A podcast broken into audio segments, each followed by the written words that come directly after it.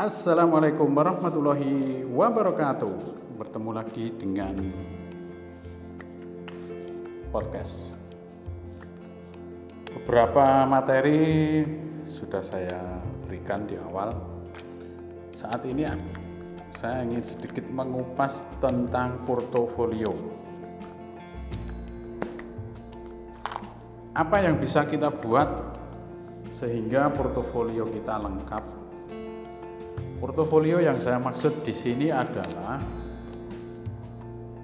sesuatu hal yang mana ini sebenarnya harus kita kembangkan mulai dari tingkat pada saat kita masih sekolah. Tapi ketika sudah terlanjur di dunia pekerjaan, sebenarnya ya tidak masalah ketika kita mau baru membuka portofolio.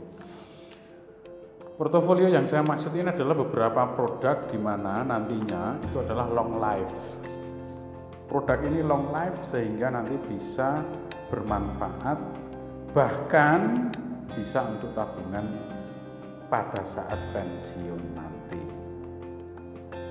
Saya akan berikan beberapa contoh portofolio yang sebenarnya itu adalah hobi kita. Yang sebenarnya itu adalah ya itu sebenarnya bukan base dari pendidikan kita tapi itu adalah seperti hobi. Yang pertama portofolio pertama yang nantinya itu akan sangat bermanfaat. Pertama menulis. Menulis ini bisa banyak sekali. Konsen menulis ini bisa banyak contohnya buku-buku bertebaran yang paling enteng itu adalah testimonial. Testimonial ini maksudnya adalah bagaimana kita memberikan testimoni ataupun misalkan kita bisa mencari tahu tentang beberapa pengalaman teman, rekan kerja atau siapa pun terkait dengan misalkan alat kontrasepsi. Oh, ternyata alat kontrasepsi A itu ternyata berdampak pada si yang kita wawancara itu dengan dampak ini, ini, ini. Itu jika kita kumpulkan mulai dari awal itu akan sangat bisa menjadi portofolio yang nantinya itu bisa menjadi tabungan masa depan. Itu contoh kecil saja menulis sesuatu hal yang sangat-sangat enteng. Jadi tidak perlu apa ya? tidak perlu memerlukan keahlian menulis, tapi bagaimana kita bisa mencari tahu dari sumber yang paling utama. Yang pertama menulis, yang kedua pengetahuan saya dengan menggambar. Anda ketika bisa menggambar, baik itu menggambar semacam pemandangan, menggambar sebuah sketsa, menggambar bahkan membuat logo. Jika itu Anda bisa melakukannya, maka itu akan menjadi jalan portofolio Anda yang kedua.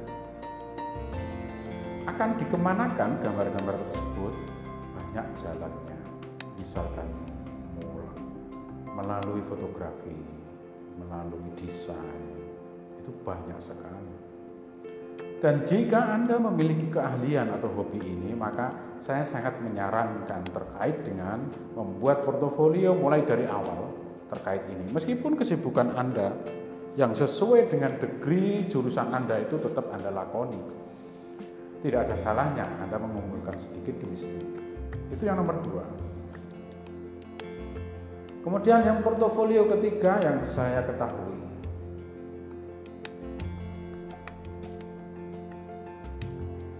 yang sudah pernah saya lakukan itu adalah membuat video. Jika Anda hobi fotografi ataupun videografi ataupun misalkan Anda itu hobi melancong atau traveling, maka kumpulkan tempat-tempat yang sudah pernah Anda sudah pernah Anda kenapa hilang kalimatnya?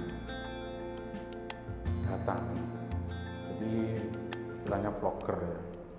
Maka dari situ Anda nantinya itu adalah membuat sebuah portofolio. Anda akan merekomendasikan tempat itu, pengalaman di situ. Dengan portofolio video Anda bisa upload di mana pun. Di mana pun. Tapi sepengetahuan saya yang sampai dengan sejauh ini ya YouTube. Dengan portofolio video ini yang pasti memang syaratnya itu sudah tidak seperti 2, 3, 4 tahun, 5 tahun yang lalu persyaratan dari YouTube mungkin lumayan agak sulit.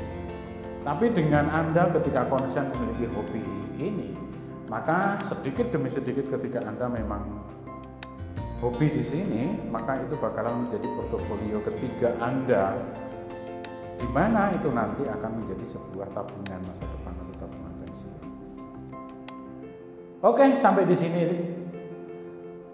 sedikit share terkait dengan portofolio yang bisa kita siapkan sebenarnya dari awal-awal.